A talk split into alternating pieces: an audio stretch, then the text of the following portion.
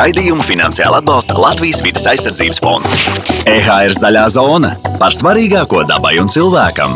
Esiet sveicināti, cienījamie klausītāji. Mans vārds ir Kaspars Eglīts, un jūs klausāties EHR raidījuma Zaļā zona. Izdzirdot apzīmējumu biomonitoring, šķiet, ka runa ir par īpašām silīcija ielējām radītām iekārtām, kas ar mākslīgā intelekta palīdzību pateiks priekšā, kā visai pasaulē labāk būtu. Vismaz pirmajā brīdī. Patiesība ir daudz vienkāršāka. Šī uh, metode ir sena, un tā ciešā mērā saistīta ar dabas un dzīvo būtņu pētīšanu. Bet kāpēc vispār ir jāpēta? Jo, piemēram, ķērpji bez dārgu iekārtu palīdzības mums var pateikt priekšā to, cik tīrā gaisā mēs patiesībā dzīvojam. Bet ko vēl mums priekšā saka pati daba, par to arī šodien parunāsim.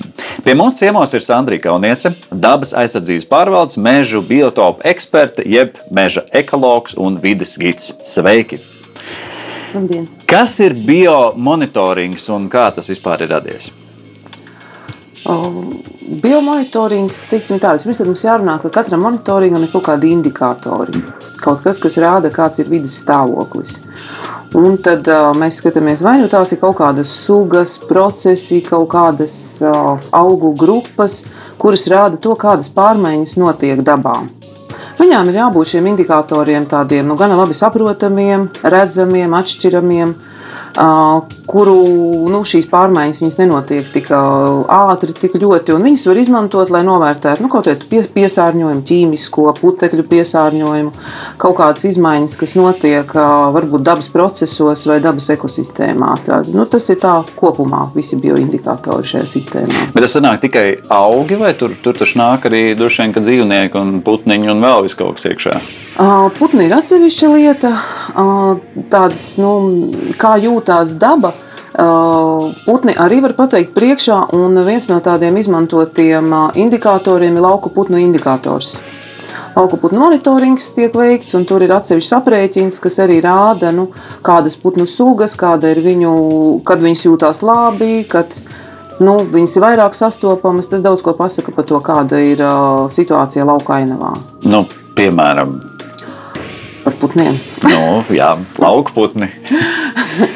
Par lauku putniem varbūt mazāk, tā kā man pieteicis, ka esmu meža biotopu eksperts. Tad ir tāda, protams, arī meža putni daudz ko var pateikt, kā jūtās. Mežs, kā jūtās retākas sugas. Un um, ir putnu sugas, kurām patīk dzīvot krūmos. Nu, viņām, viņām ir. Nu, Viņas, viņām nevajag biezus mežus, viņām vajag mazus krūmus, viņām der meža malas, lauka malas, arī parki. Un šīs putnu sugas jūtās ļoti labi, tad, kad ir daudz krūmu. Un tātad, ja meža ainavā parādās daudz jauna meža, ir daudz jauni bērni, jaunas apsītas, jauni mēnākšņi. Šie putni jūtās lieliski. Un varētu teikt, viss ir kārtībā ar dabu. Jo šie konkrētie putni jūtās, viņu tāds nu, skaits palielinās, aug, un viss ir kārtībā. Bet tas, putniem. tas nozīmē, ka ir kaut kādas konkrētas vietas mežā, kas ir paredzētas, kur vajadzētu būt krūmiem. Un, attiecīgi, ja tie putni tiek manīti tajā vietā, tas nozīmē, ka ar to mežu viss ir kārtībā. Uh, ir kārtībā ar šiem putniem, bet vai ar mežu ir kārtībā? Jo vai ir kārtībā ar mežu, to parādīs jau tie putni, kuriem vajag citāda veida mežu. Tam būtu jābūt līdzsvarā. Būtu jābūt līdzsvarā gan tiem putniem, kuriem vajag krūmus un jaunaudzes, un tiem putniem, kuriem vajag lecus kokus. Piemēram, ir tāds liels, liela melnā dzilna, tāds liels dzēļš, lielākais Latvijā. Melnā dzilna dzīvo lielos tādos vecos mežos ar resniem kokiem. Uh, varbūt ir kādreiz, nu, ejot sēņot, varbūt kādreiz dzird tādus, tādus kliedzienus, tādus interesantus mežā. Viņi tā lido, tā saudabīgi kliegdams, nepratīšu atkārtot. Bet, nu, dzenis ir liels. Un dzinējiem vajag lielus, melnai zilnai vajag lielus kokus, lai viņi varētu izkalt dobumus. Un ja mēs uh, papētām un paskatāmies, kā tad jūtas melnā zilna mežā, un ja mēs konstatējam, ka melnā zilna viņas skaits samazinās, viņai piemērotu koku skaits samazinās, tāpēc vienkārši samazinās vecu meža platības, nu, īsti kārtībā nebūs to mežu. Jo ir izjūtas līdzsvars pazudis starp putnu sugām. Tas nozīmē, ja mežā nedzird tos kliedzienus, tad uh, kaut kas nav labi. Kaut kas nav labi, jā. Šeit nedzīvo visi tie, kas varētu dzīvot šajā mežā. Būtībā tādā pareizi uzturētā mežā, nu, es nemācīšu tur varbūt bioloģiski pareizi viņu apzīmējumu iedot, bet pareizi uzturētā mežā vajadzētu būt tā, ka vispār mēs putnus dzirdam. Ja mēs mežā putnus nedzirdam, tas nozīmē, ka kaut kas ar mežu varbūt nav kārtībā. Tā sanāk. Mazliet tā varētu būt, lai gan nu, ne visur, jo mežs ir ļoti dažāds. Ir lapu koku meži, ir priežu meži, egļu meži. Un, ja, ja jūs aiziet uz priežu mežu, viņš ir ļoti gaišs, caurredzams. Bieži tās ir viena vecuma priedes, kas ir stādīts cilvēka. Reizēm kāds mazs bērziņš. Un tur, nu, teiksim, pēc definīcijas, tur šī vide ir ļoti viendabīga. Un ļoti, un, un tur var dzīvot kaut kādas nu, atsevišķas sugas, bet tur nebūs tā sugu daudzveidība, kas būs tādā vecā mežā, kur ir ļoti dažāda, dažāda vecuma koki, dažādas koku sugas. Tur šīs dzīves vietas, jeb nišas, kur var dzīvot putni, viņiem mājvietas un barošanās vietas, ir daudz, daudz lielāka daudzveidība. Tur ir. Teiksim, par zvēriem, varbūt, pieskaroties, nu, vai pēc teiksim, tāda ikdienas suņa var kaut kādā veidā arī kaut ko spriest. Nu, tur no biomonitoringa viedokļa. Nu, es esmu dzirdējis, teiksim, nu, tur rožu. Nu, teiksim, vai, piemēram, lidostās esošie šie suņi kaut kādā veidā arī ir daļa no, no kaut kāda biomonitoringa. Nu, viņi drīzāk bija monitorē cilvēkus, kur ierodas lidostā. Bet viņi ir saistīti ar šo maņu, kas arī no dabas sanāk, jo viņiem jā, ir roža attiecīgi, jā, un tad sanāk, jā. ka tas arī ir tajā kategorijā. Tas, ir, tas, ir, tas ir cits mērķis. Biomonitorings tas ir vairāk, lai monitorētu un saprastu vidas kvalitāti. -hmm. Vai nu kādas uh, sugas var būt stāvokli, kāds ir konkrētais sugai, vai tiem pašiem putniem, vai ķērpļiem, vai augiem. Uh, vai arī biežāk tas ir vidas kvalitātes, vai ir kārtībā gaiss, vai ir viss kārtībā ar bioloģisko daudzveidību, mitrumu un tā tālāk. Un tad ir īpaši cilvēki, tā ir biomonitoringa profesija, kas biomonitori, kuri dodas un pēta šo visu, vai tā ir kāda cita profesija. Tādas profesijas nav. Labi, tagad es zinu. ar biomonitoringu dažādos, tie biomonitorings tie dažādi var būt, ja tie šie, šie veidi. Un um, tur nodarbosies ar šo lietu, nu, visbiežāk tas būs kādu projektu ietvaros, uh, cilvēki, kuriem ir atbilstoša izglītība, parasti tie būs kādi biologi, kuriem ir specifiskas zināšanas. Um, jā, un, un tad jau ir kaut kādas metodes un, un paņēmieni, kuras apgūst darba gaitā vai pirms darba uzsākšanas, vienkārši padziļināti par to tam pievēršoties un izpētot. Tad daļa no kāda cita projekta pie reizes, tad, tad mēs arī monitorējam. Jā, reizēm var būt arī, ka tieši ka projekta mērķis ir veikt biomonitoringu vai, piemēram, nu, kaut kādu zinātnisku pētījumu veikt par šo tēmu, un tad ļoti konkrēti tiek izmantotas biomonitoringa metodes. Jūs pieminējāt ķērpus pašā sākumā, kā daļu no, no biomonitoringa. Un, un, un ķērpi ieņem samērā lielu lomu tieši gaisa piesārņojumā, nu, arī tā skaitā noteikšanā. Kā, kā tieši tas darbojas? Kā tieši ķērpji var pateikt priekšā to, vai gaisa ir piesārņots vai nav piesārņots? Uh, vispirms, uh, es domāju, klausītājiem Droši vien katram ir kaut kāda sava bilde tagad acu priekšā, kad jūs sakat vārdu ķērpis. Un uh, pieredze liecina, ka cilvēki reizēm jauc ķērpus un sūnas. Tad, kad aiziet uz mežu, tad tiek jaukts, vai tas ir ķērpis vai tā ir sūna, jo abi ir nelieli, kaut kādi tādi kušķīši reizēm, vai kaut kādas lapiņas vai krūmiņi uz koku stumbriem, zemē, uz smiltīm. Un, un cilvēkiem bieži tas tā, nu, Nu, Gan arī viens un tas pats sunis, ķēpj viens un tas pats. Uh, varbūt tāda nu, vizuāli atšķirība tāda, tāda viena būs sunis, nu, gandrīz vienmēr ir zaļas. Nu, smuki zaļas, tāpēc ir arī zaļās krāsas viens no apzīmējumiem - sūnu zaļais. Mm -hmm. Protams, tad, kad sūnas sāk mācīties un viņas atšķirt, tad visā tajā zaļajā ķēpā, kas ir tā kā sūnu pasaule, kad pirmo reizi ienāk mežā, sāk izdalīties ļoti daudz dažādas faktūras, ļoti daudz dažādas krāsas un nianses, un ierauga sūnas ir ļoti dažādas. Tā nav tāda zaļā masa. Mm -hmm. Ķērpji uh, ir daudz krāsaini, ja tā varētu teikt, ir arī daži ir zaļi. Un daži uz kokiem varētu izskatīties arī kā sūnas, jo viņi ir zaļi, aug uz koku stumbriem, blakus sūnām, tādas lielas, skaistas lapas.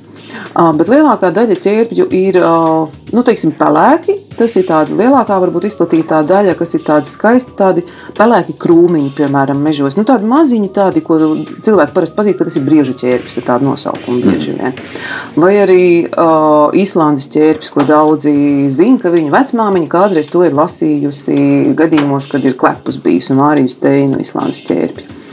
Citi ķērpji būs tādi nu, kā mazi krūmiņi, varbūt ne zemē, bet uz koku stumbriem.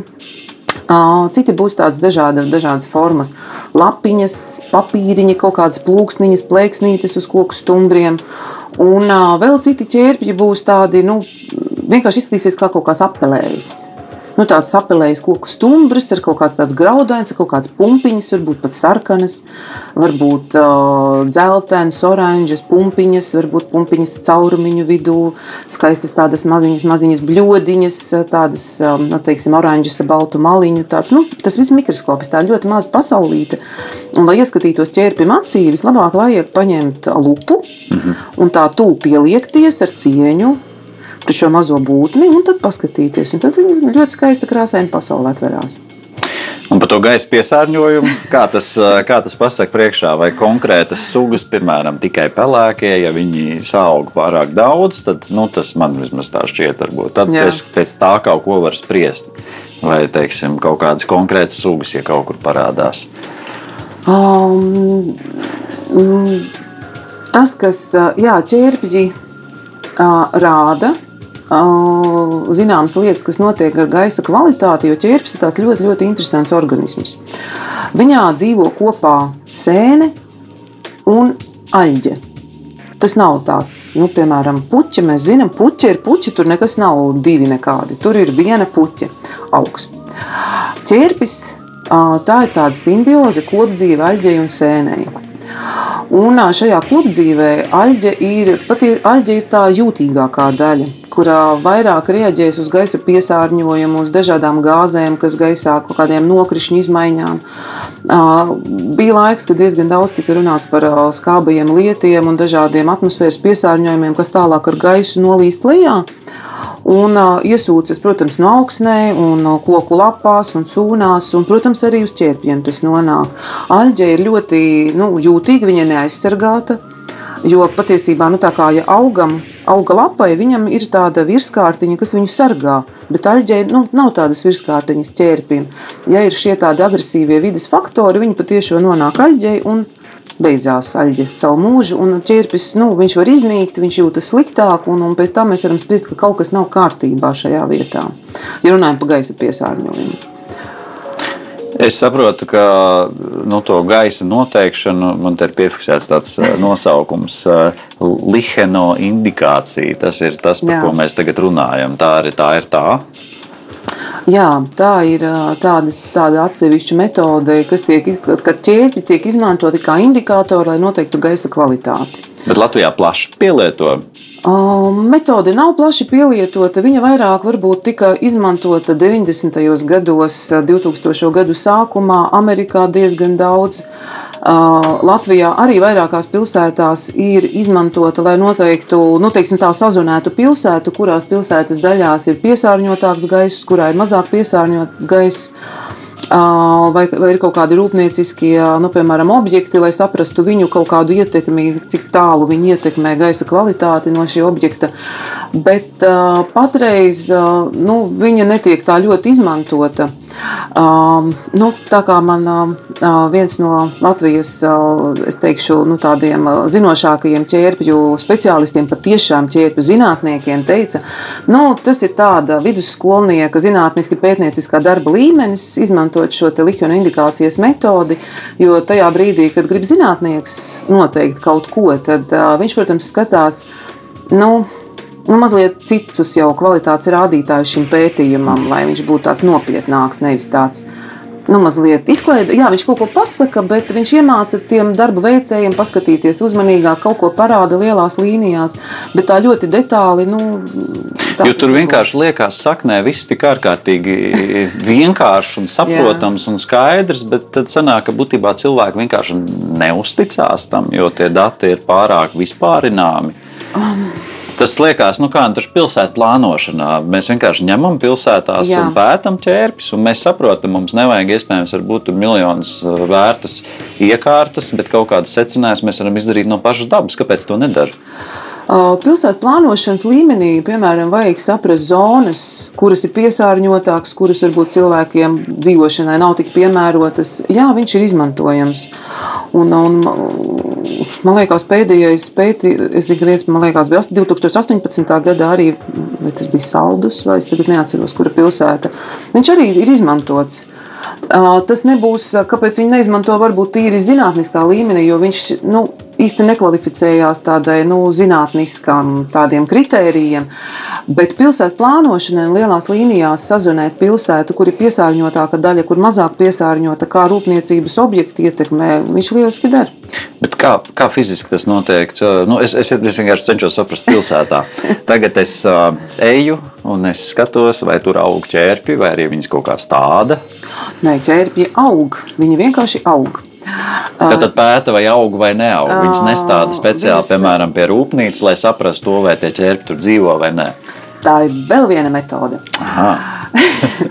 Jā, bet vienkāršākā metode ir izvēlēties, nu, piemēram, nu, kaut kādus nu, kā paraugu vietas, kur šos pilsētā, nu, teiksim, sazonēt pilsētu un izvēlēties, nu, kādi būs uz cik kokiem tad tiks skatīti. Tur ir noteikta metodika, kā tas notiek. Ķērpi neaug uz visiem kokiem vienādi labi. Tas arī ir jāņem vērā. Piemēram, uz priedēm ķērpji diezgan negribīgi aug. Tur ir tikai dažas nu, tādas konkrētas sugas. Vislabāk tādam um, uh, lihenu indikācijai izmantot lapu kokus. Tas pašas liepas, kas pilsētās ir apstādījumos, ļoti daudz ir lieliskas, un viņas arī visbiežāk tiek skatītas šajos gadījumos.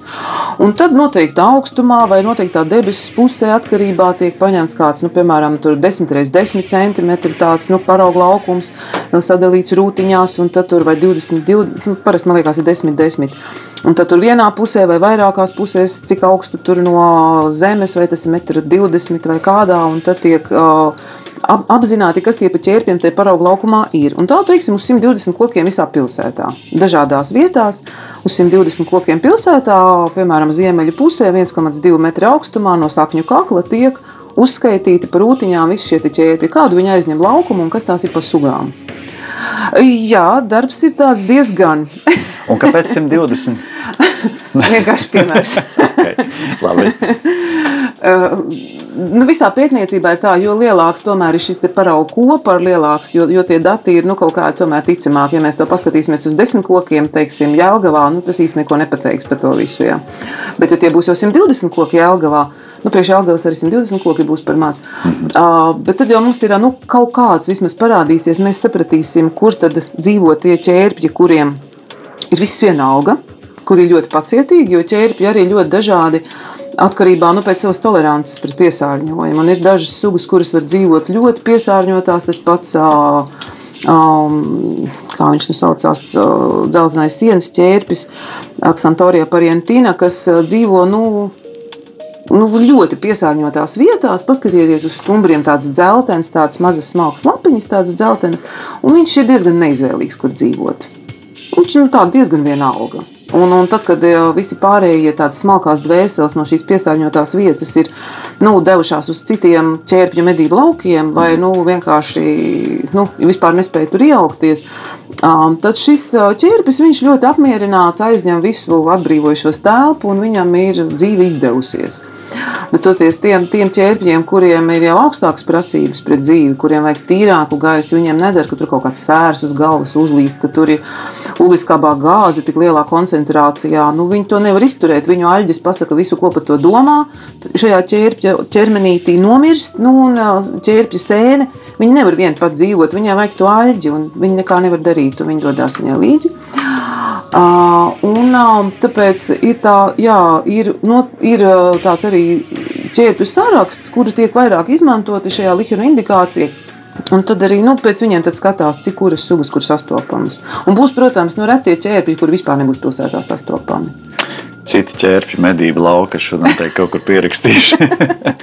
uh, nu, labi, uh, tagad paskatījāmies mēs uz to, uz to mazliet zinātnisko pusi. Uh, nu, par pašu cilvēku ikdienas paradumiem.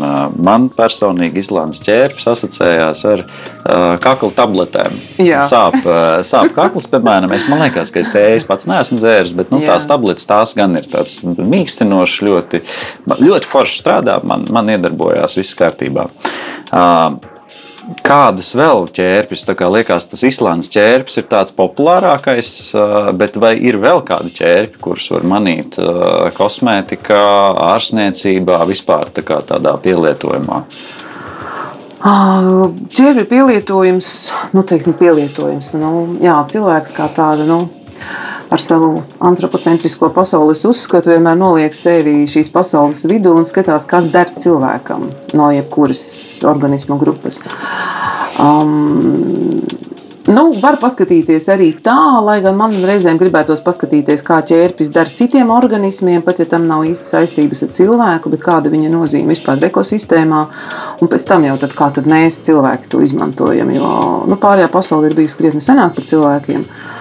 Un, uh, tur šīs attiecības ar citām sugu grupām, ar uh, ķērpja lomu vispār. Uh, Tajā, kā viņš nu, sākotnēji kaut kādā augsnē ir veidojis, piedalījies augsnes veidojumā, kad Latvijā pēc ledus laikmeta, kad ķērpis bija viens no pirmajiem, kas ienāca. Un tad viņi nu, ieaugās, jo viņi spēja izmantot uh, gan gaisa skābekli, atmosfēras ūdeni un tās barības vielas, kas nonāk ar, ar lietus, lietus veidā zemē, un viņi pirmie sāka augt. Un tad, kad nu, viņš aizdodas uz citiem medību laukiem, ja, uh, tur vēl ir arī nu, kādas baktērijas, varbūt kādas sūniņas aug, un tas viss kopā veido augsni. Un tad jau var ierasties arī citas tādas augstākas augi, un pēc tam jau arī dzīvnieki un cilvēki ķērpjas jau ir mums pamatā. Bet es vienkārši domāju, nu labi, mēs tagad esam lielā lielveikalā. Un šajā lielveikalā ir aptieka, te ir uh, visādas, teiksim, nu, kosmētikas veikali, viss kaut kas Jā. cits. Kas ir tās vietas, kur tas ķērpjas? Jo es saprotu, ka diezgan daudz, nu, tur ir minēts antibiotikās, piemēram, ka tā ķērpja klātbūtne ir. Ir minēts, ka pat smaržās uh, Jā. Chanel, laikam, bija. Jā, Chanel, jā. Chanel smaržās ir ķērpji, jā. kur, kur vēl patiesībā liekas, ka tas nav tikai tas Islandes, bet viņš ir, viņš ir visur. Uh, Islandes ķērbis ir tāds, varbūt, par kuru ir visvairāk informācijas, kā viņš ir izmantots. Um, Nu, to antibakteriālo Antibakteriālais, jā, tas ir, tas ir tiešām, kad medikamentos tiek izmantots. Uh, kosmētikā, kaut kādos krēmos arī tieši šis antibakteriālais efekts tiek izmantots. Uh, Kādas vēl īpašības? Labi, viens ir antibakteriālais. Nu, tas mums ir skaidrs arī no. Islandes ķērpja. Vēl kaut kas uh, dzīvu krāsošana. dzīvu krāsošana. Jā. Kas tas ir? Ķērpus izmantot krāsojot dzīvu. Mm. Ah, dzīve. Jā. dzīve. nu, līdzīgi kā izmanto dažādas dabiskās krāsvielas, dažādus augus. Mm. -hmm. nu, ah, mēs laikam visi krāsojam olas lieldienās, sīpolu mizās, bet arī uh, dzīves var krāsot dažādos augu valsts uh, nu, šķīdumos speciāli sagatavotos ar attiecīgiem kodinātājiem. Dabīgā krāsviela. Dabīgā būtībā. krāsviela, jā, Mhm. tāpat kā sēnes, arī, arī ķērpjus.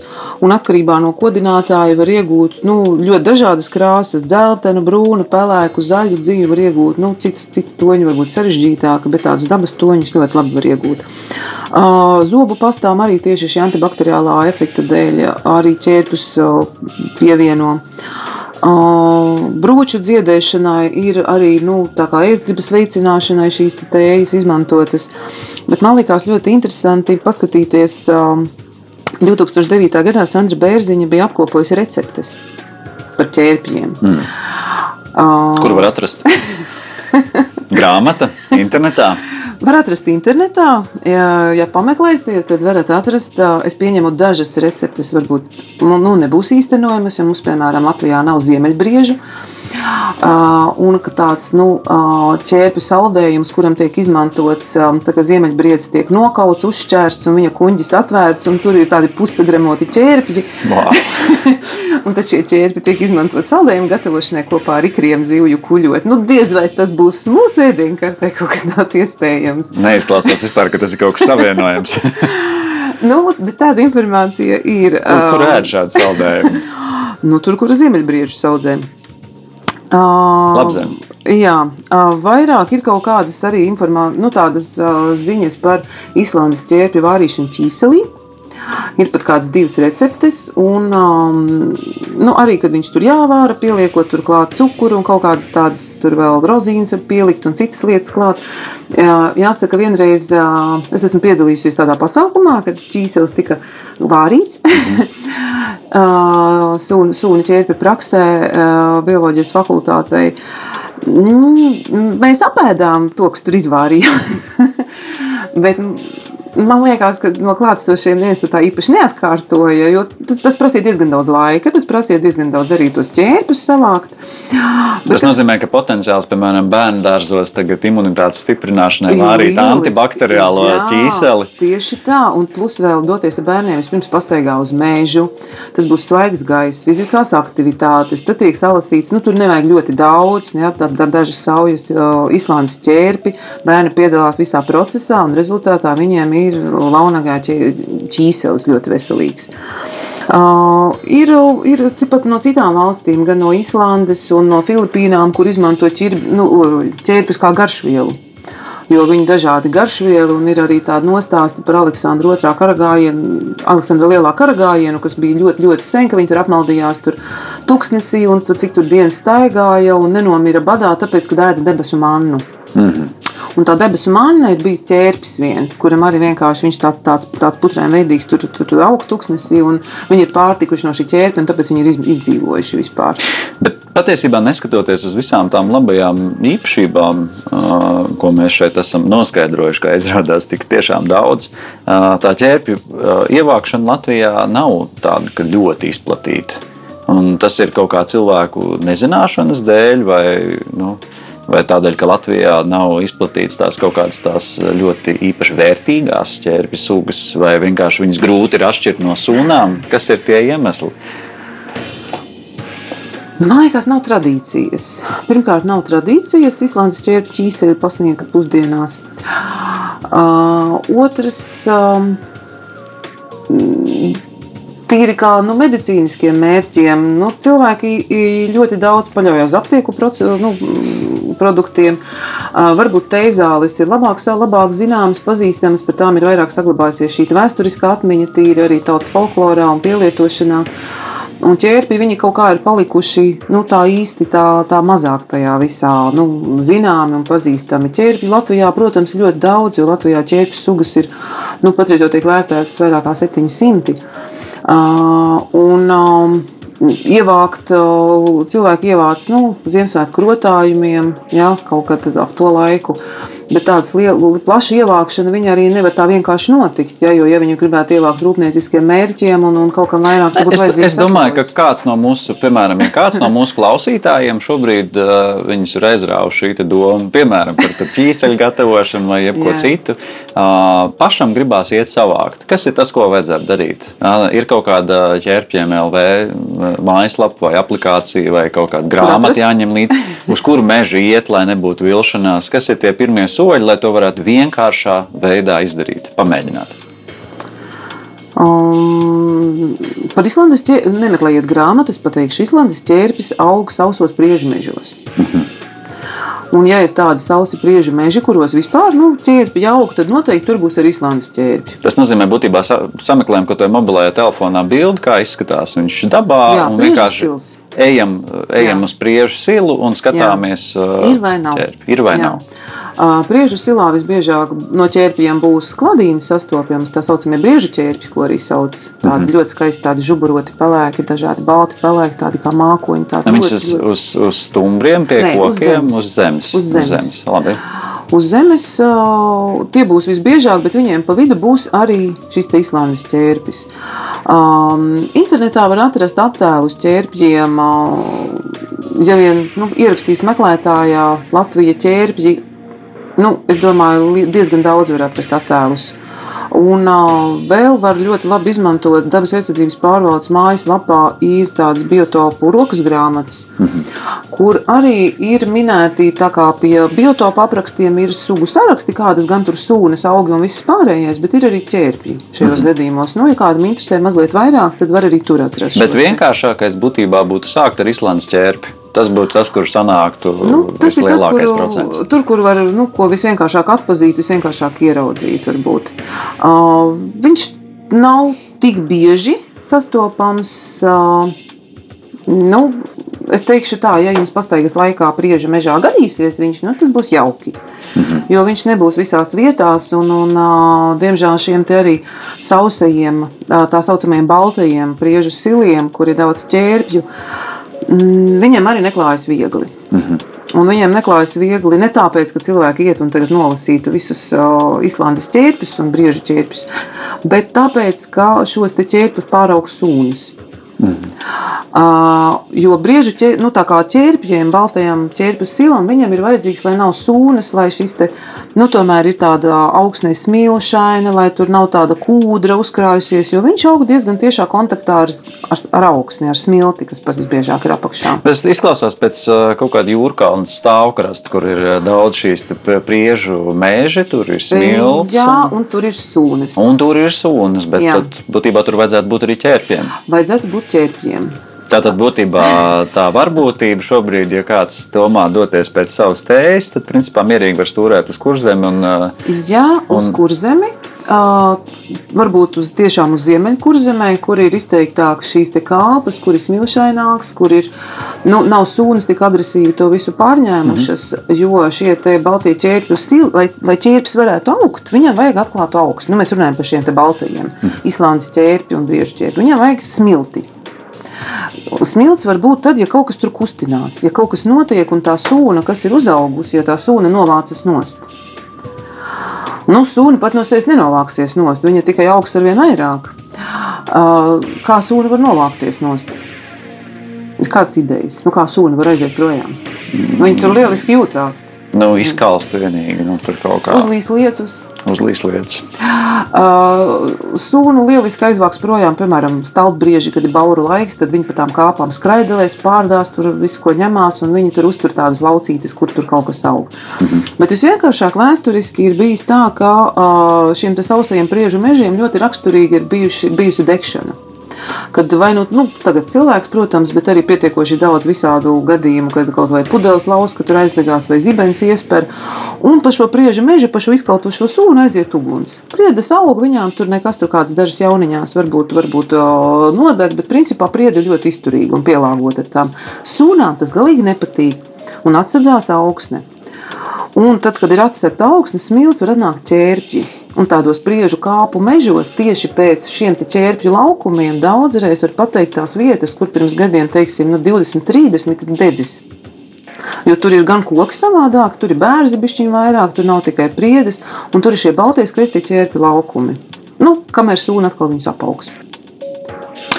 Tā tad būtībā nereāli tas nav tējas uh, salasīt uh, Islandes ķērpju. Var. var. Visticamākais ziemeļu kurzemē. Droši var apvienot reizē ar pastaigu gar, uh, gar jūru. Jā. Un, uh, un, principā, iespējams, ka uz Ziemassvētkiem sagatavot lielisks, brīnišķīgs, tāds pašu, pašu lasītas uh, dāvans. Jā, kāpēc nē? Visu cauru gadu aug ķērpi. Ķērpis aug, ķērpis aug visu cauru gadu. Ķērpis aug ļoti lēni. Un, tāpēc arī viņus ievācot, ir patiešām un nesot projām no meža, to nevajadzētu darīt nu, tādā izklaidē. Mhm. Nu, paņēmu, panesu, nometu, kaut kur palika. Tā ir nu, tā, nu, meža māca, tā dāvana mums. Un, ja mēs viņu ņemam, nu, izturēsimies ar cieņu pret to un ņemsim tad, ja mums patiešām vajag, un, un, un tikai nu, tāda nevis tāda vienkārši laika īsināšanai. Nu, Tātad, eh, rezumējot šo mūsu šīs dienas sarunu pret dabu, eh, izturamies ar cieņu. Eh, ja ejam kaut ko paņemt, tad rūpīgi paņemam, paši to lietojam.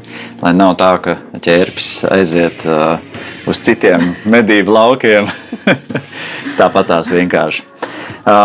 Es teikšu lielu paldies par mūsu sarunu. Atgādināšu klausītājiem, pie mums ciemos šodien bija Sandrija Kaunietis, dabas aizsardzības pārvaldes mežu biotopu eksperta, jeb meža ekologs un vidas gids. Lielas paldies! Dodamies dabā, audzējam sevi un klausamies EHR zaļo zonu. Paldies!